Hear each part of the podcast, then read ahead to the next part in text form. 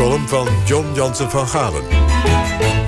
We mogen wel uitkijken, wij van de media, dacht ik toen ik deze week het nieuwe rapport van het Sociaal Cultureel Planbureau las over de heersende stemming in Nederland. Wij van de media met onze neiging tot overdrijven.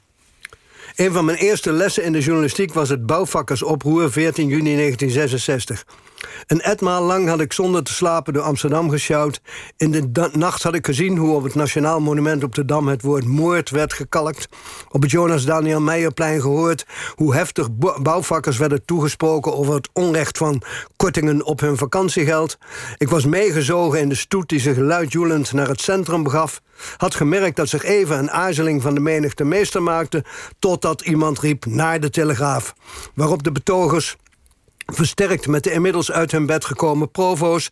het gebouw van het gehate ochtendblad belegerde. Enorme rollen krantenpapier uitrolden over de Nieuwe Zijds-Voorburgwal... trams tot stilstand brachten, auto's in brand staken... en een stenen regen deden neerdalen op politiemannen met schilden.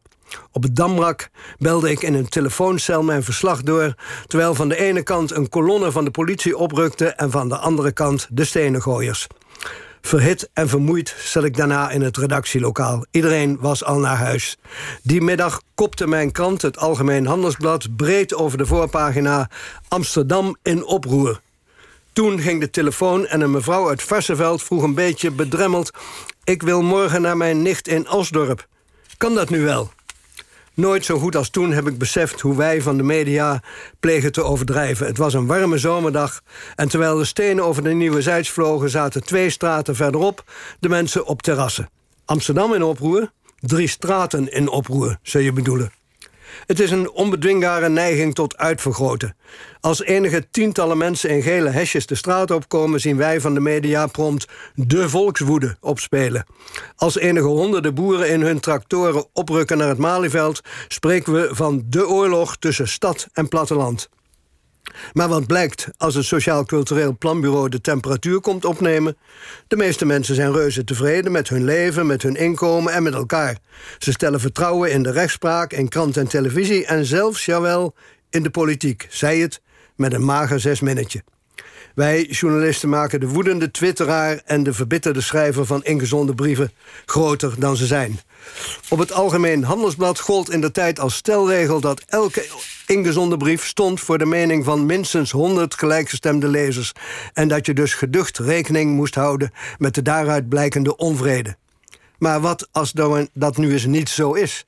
Als die boze brief doorgaans afkomstig is van wat onze adjunct-hoofdredacteur H.J.A. Hofland noemde de OA, de onverdraagzaamste abonnee, een verongelijkte eenling, een eenzame wolf, dan zouden we er dus lelijk naast zitten met onze analyses over toenemende volkswoede en almaar hoger oplopend ongenoegen met de gang van zaken in ons land.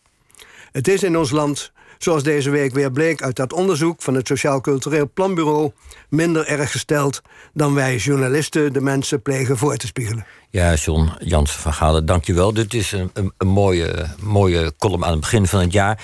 Eigenlijk is je boodschap: de journalistiek moet zich niet laten gijzelen door wat ze wil aanzien voor de volksstemming. Ja, nuchter blijven. Nuchter blijven. Ma Data, oproep tot feiten. Oproep tot matiging. Nou, mooi, dank daarvoor.